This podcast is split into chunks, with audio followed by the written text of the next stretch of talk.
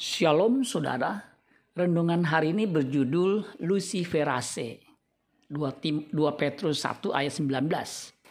Dengan demikian, kami makin diteguhkan oleh firman yang telah disampaikan oleh para nabi. Alangkah baiknya kalau kamu memperhatikan sama seperti memperhatikan pelita yang bercahaya di tempat yang gelap sampai fajar sampai fajar menyingsing dan bintang timur terbit bersinar di dalam hatimu. Jika kita membaca terjemahan Vulgata, ayat 2 Petrus 1 ayat 19 ada kata Lucifer. Versi Vulgata 1 Pet, 2 eh, Petrus 1 ayat 19 dikatakan begini. Et habemus firmiorem propeticum sermonem qui benefacitis attendentes quasi lucernae lucenti in caliginoso loco donec dies elucescat et lucifer oriatur in cordibus vestris biasanya kita sudah takut ketika mendengar kata Lucifer.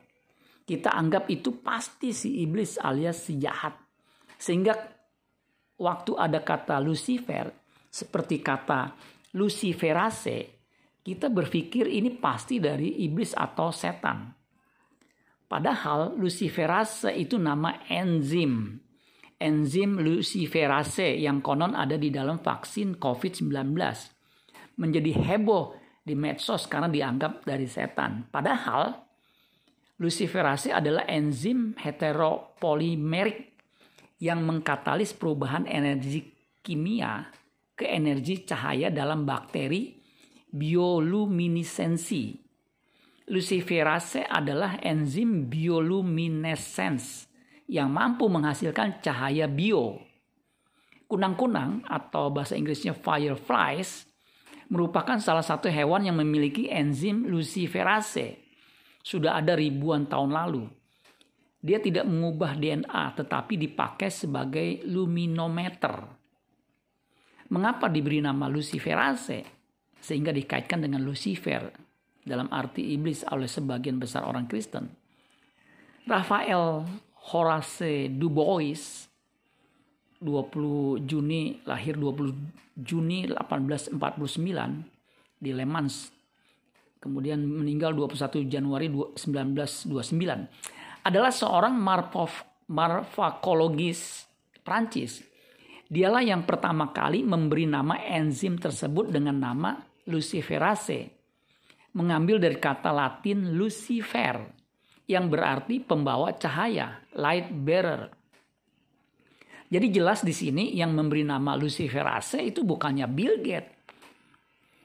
Apakah vaksin COVID-19 mengandung luciferase? Mungkin saja.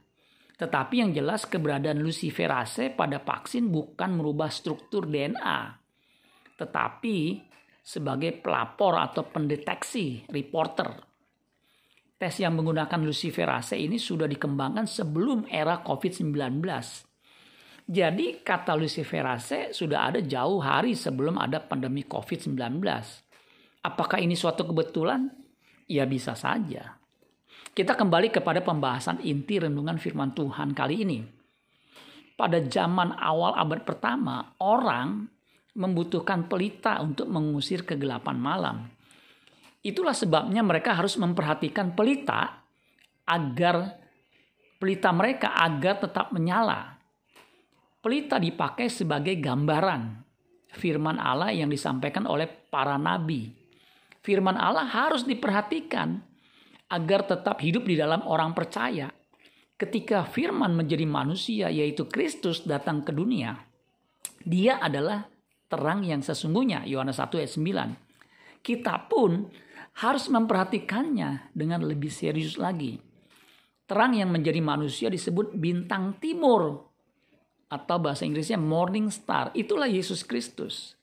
Gelar bintang timur dari kata Yunaninya posporos Artinya the morning star, bintang fajar atau bintang timur.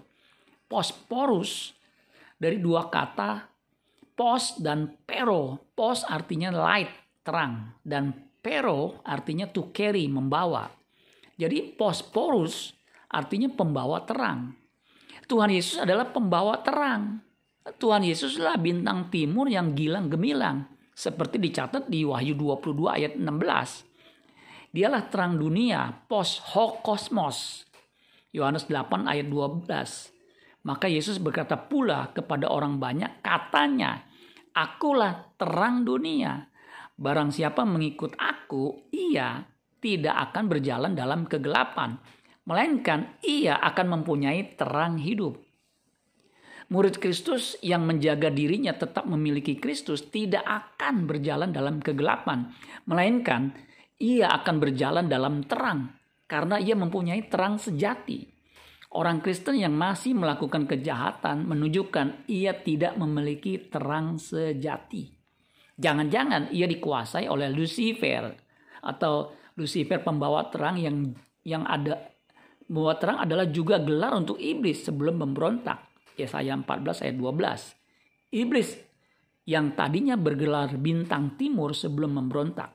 Iblis alias si jahat adalah sumber segala kejahatan dan penyesatan.